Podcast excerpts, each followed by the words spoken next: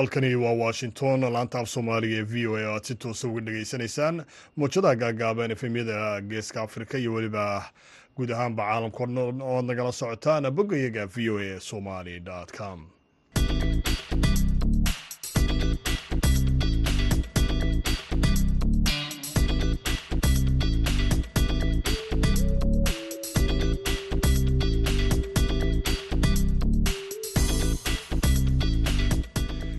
duhur wanaagsan dhammaantima dhegaystayaal meel kastoo aad joogtaanba waa isdhiin taarikhduna ay tahay siddeed iyo labaatanka bisha ogost ee sannadka laba kun iyo saddex iyo labaatan haatan dhegaystayaal saacadda afrikada bari waxay tilmaamaysaa kowdiiyo barhkii duhurnimo idaacadda duhurnimo ee barnaamijka dhallinyarada maantana waxaa halkan idinkala socodsiin doona aniga ah cabdixakiin maxamuud shirwac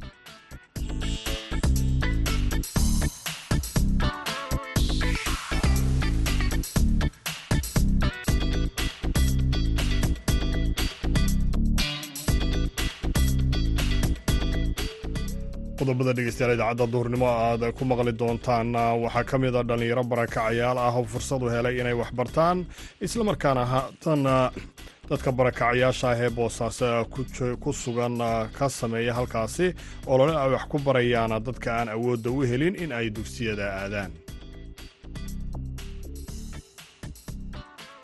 Adi ilaa dad waxaan waxbara ilaa saddex qeyb weeye. Qeyb oo carruurta ah iyo qeyb oo dhallinyarada ah iyo qeyb oo hooyooyinka ah. Dadka waaweyn ayagana markaan khamiisa jimce markaan waxaa loo kala sameeyey jadwala loo dhisay xilli xiliba u soo galayaan. Sidoo kale hadda saddex saac camal waxaa gala caruurtiiba imaanayaan afar saacay ka baxayaan. Afar saac dadkii weynkii waa marqaabas camal waa waxaa kaloo aad maqli doontaan dhallinyaro ku sugan magaalada cadaado oo hirgeliyey nalal amaba koronto ama idhaahda laydhadh ku shaqeeya qoraxda iyo weliba qodobo kale iyo heesihii amaba sugaantii aad dhegaystayaal ku maqli doontaan. Intaan ku guda jirno idaacadda duhurnimo hase yeeshee marka hore ku soo dhowaada qodobadii wararka adduunka ugu waaweynah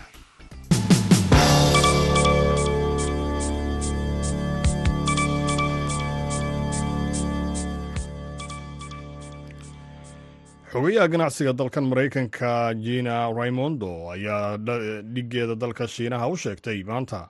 Xilli ay kulan ku yeesheen magaalada beijing in maamulka madaxweyne joe biden uu raadinayo tartan caafimaad qaba oo dhex mara shiinaha islamarkaana dhaqaalaha shiinaha ee koraya amaba u socda sharci ahaan uu yahay mid dantooda.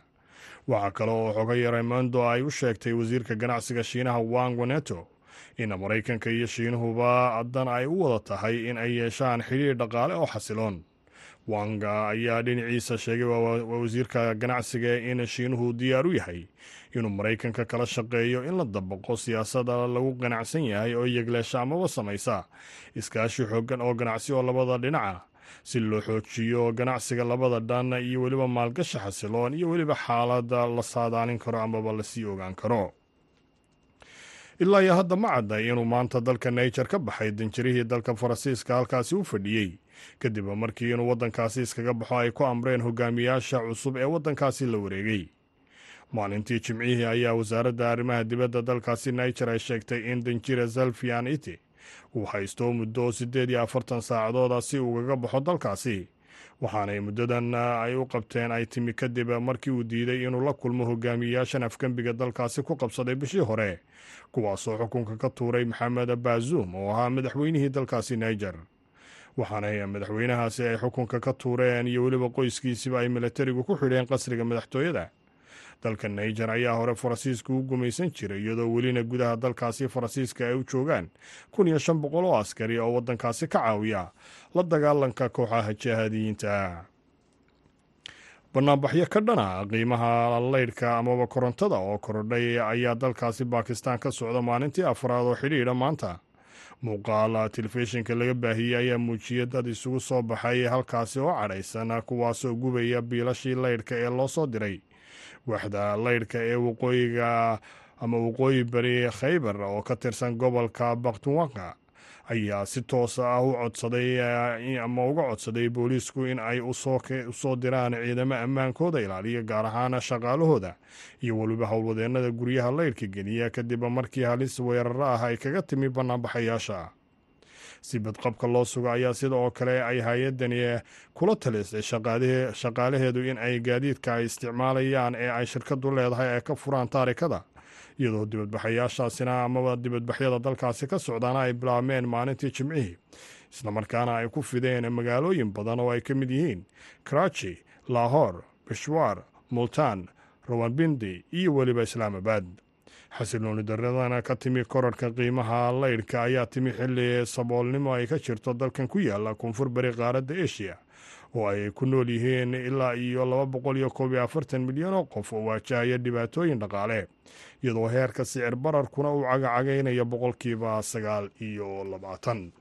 Dhegeystayaal qodobadii wararka adduunka ugu waaweynaa waa naga intaasi. Haatanna u diyaar garooba qaybaha dambe idaacadda duhurnimo ee barnaamijka dhallinyarada maanta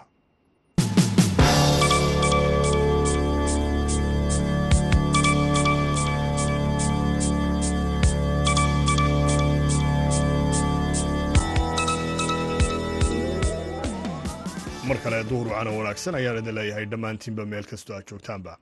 Aan ku bilownay magaalada boosaaso arday barakacyaala ah oo ka baxay jaamacadaha iyo weliba dugsiyada sare ee magaalada. Ayaa qaarkood aqoontii ay barteen ay kula laabteen bulshada ay ka tirsan yihiin barakacyaasha ah ee magaalada ku sugan. Waxaanay maalmaha qaar wakhtigooga geliyaan sidii ay waxbarasho bilaash ah u siin lahaayeen.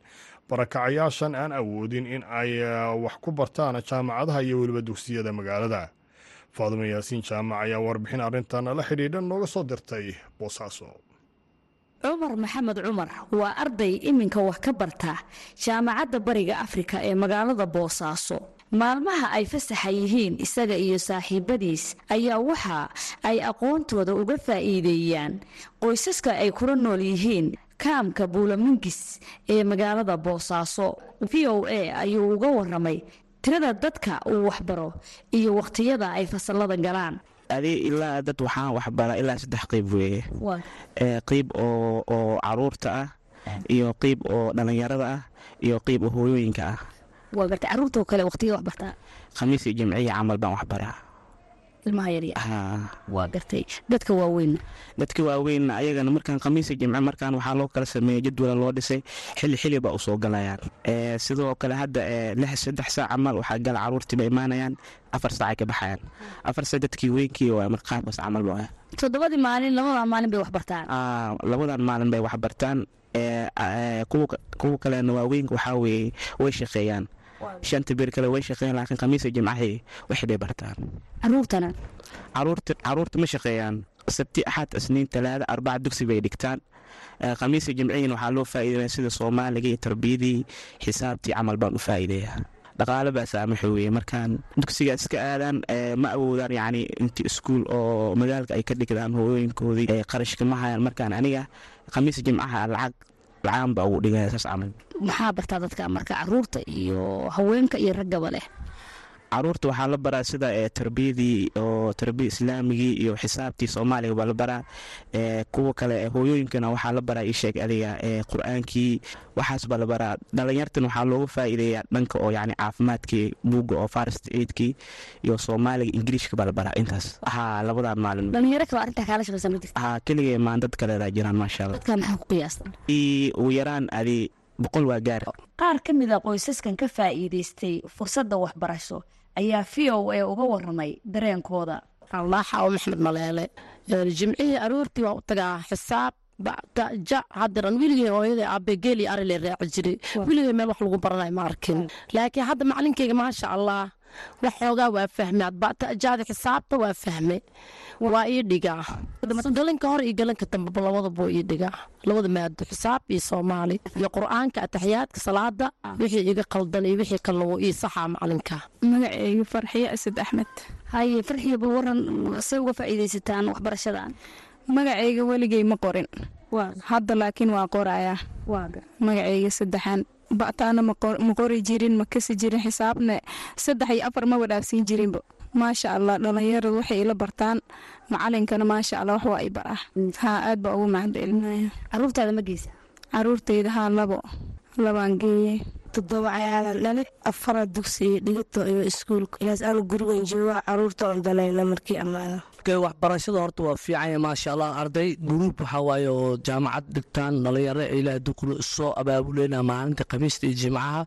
Xoogooda iyo maalkooda ku deeqeen buwaaqta iyo waa keeneen waxbarashada. Ilmaha maalinta waa la soo shaqeyn hooyada maalinta dhalay soo dhaqayso jikada maka badno. Ilmihii maloo awoodo khamiis iyo jimco waxay dhigtaan ilaa dukuru iskuulkaasa free lagu siiyaa.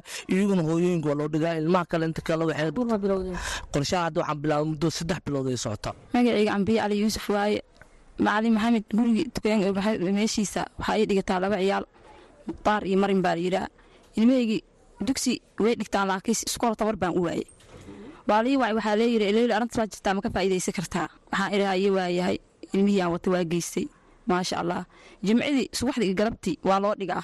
Waxaa loo dhigaa qur'aankana waa loo dhigaa soomaalina waa loo dhigaa ilmaha waa loogu faa'iidaya maasha allah labadaas beri ka faa'iidaystaan khamiista jimcadii waa subaxii galabtii subaxii galabtii. Tallaabadan soo aragtaan marka. Maasha allah aad iyo aad bay u fiican tahay wiilasha nagu noo keenay arrintaas ilaahay garabka ka siiya iyagana insha allah magacayga horta waxaa weeye cumar maxamed cumar arday waan ahay waxaan dhigtaa jaamacadda.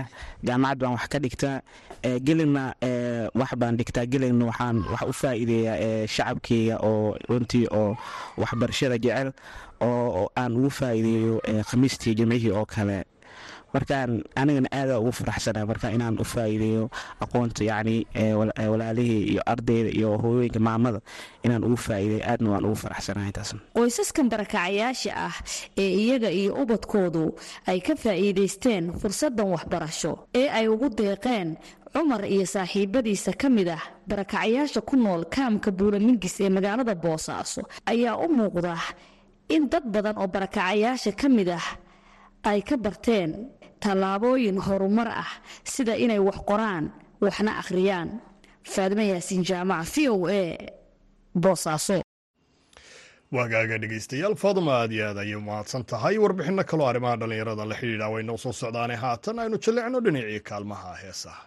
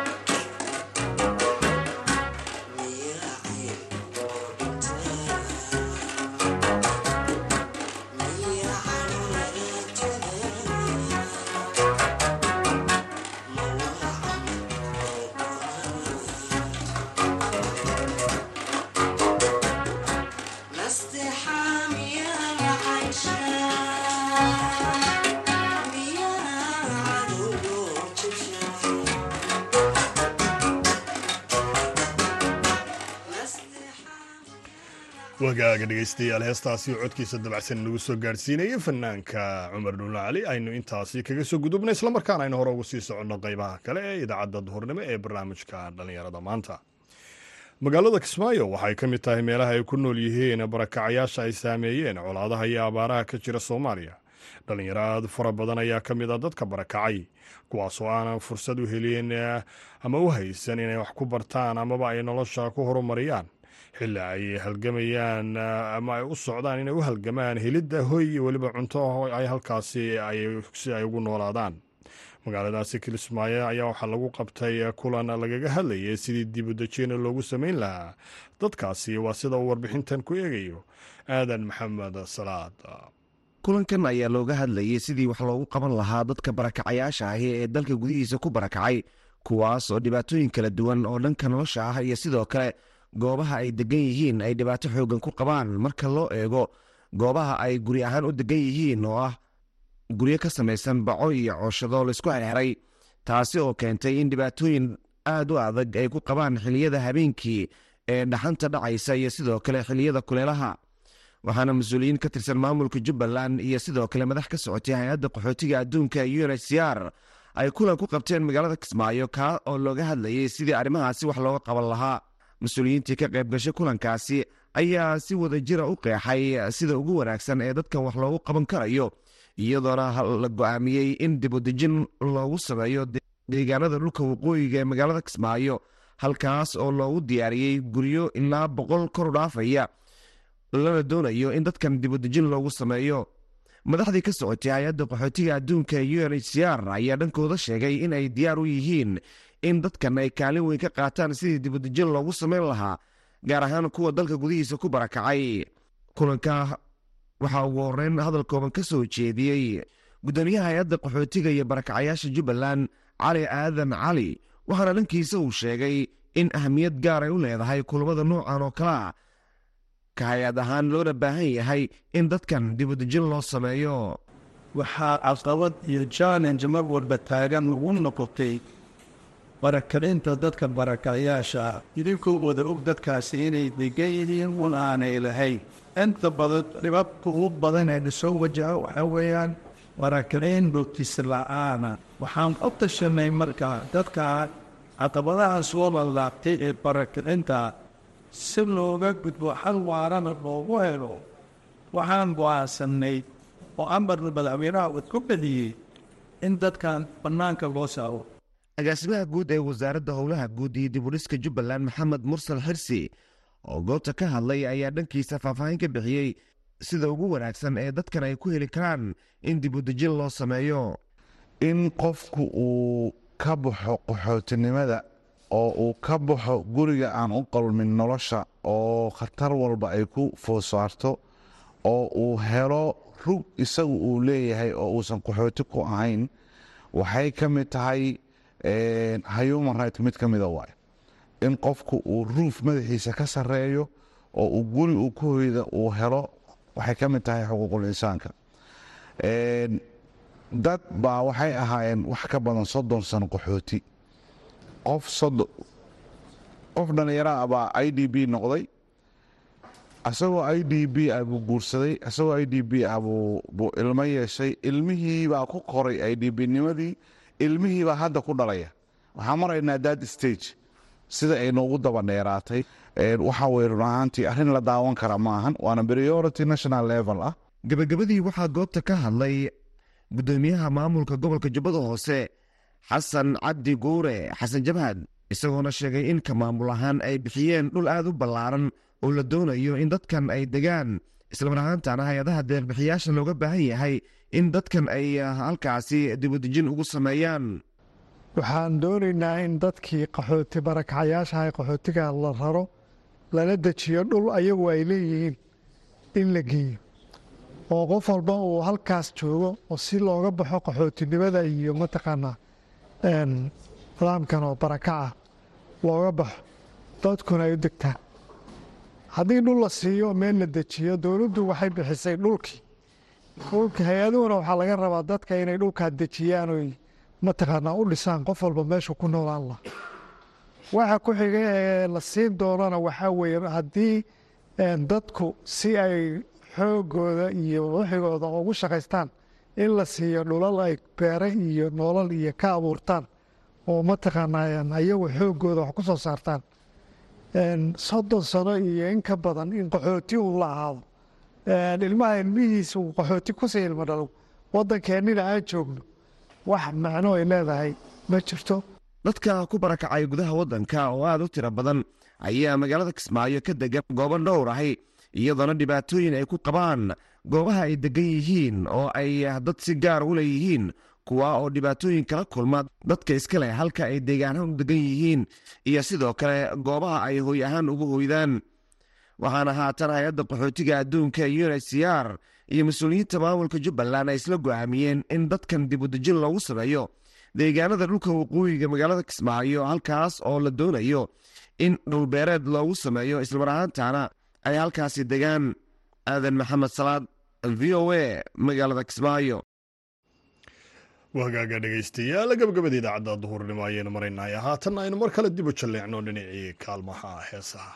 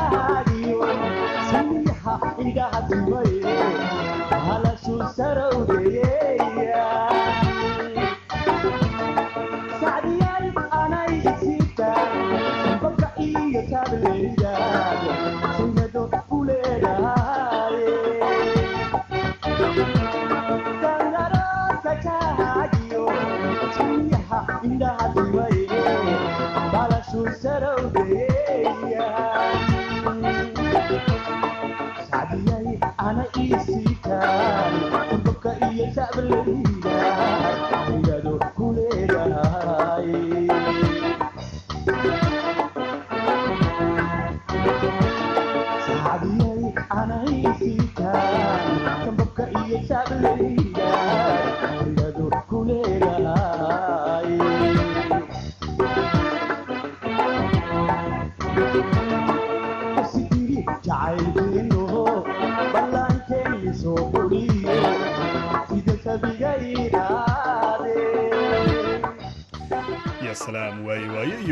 heestaasi sacdiyey codka axmed cali cigaal ayaa dhegaystayaal ugu dambeysay idaacaddii duhurnimo ee barnaamijka dhallinyarada maanta. Tan iyo kulanti dambe waxaan idin leeyahay sidaa iyo nabadgelyo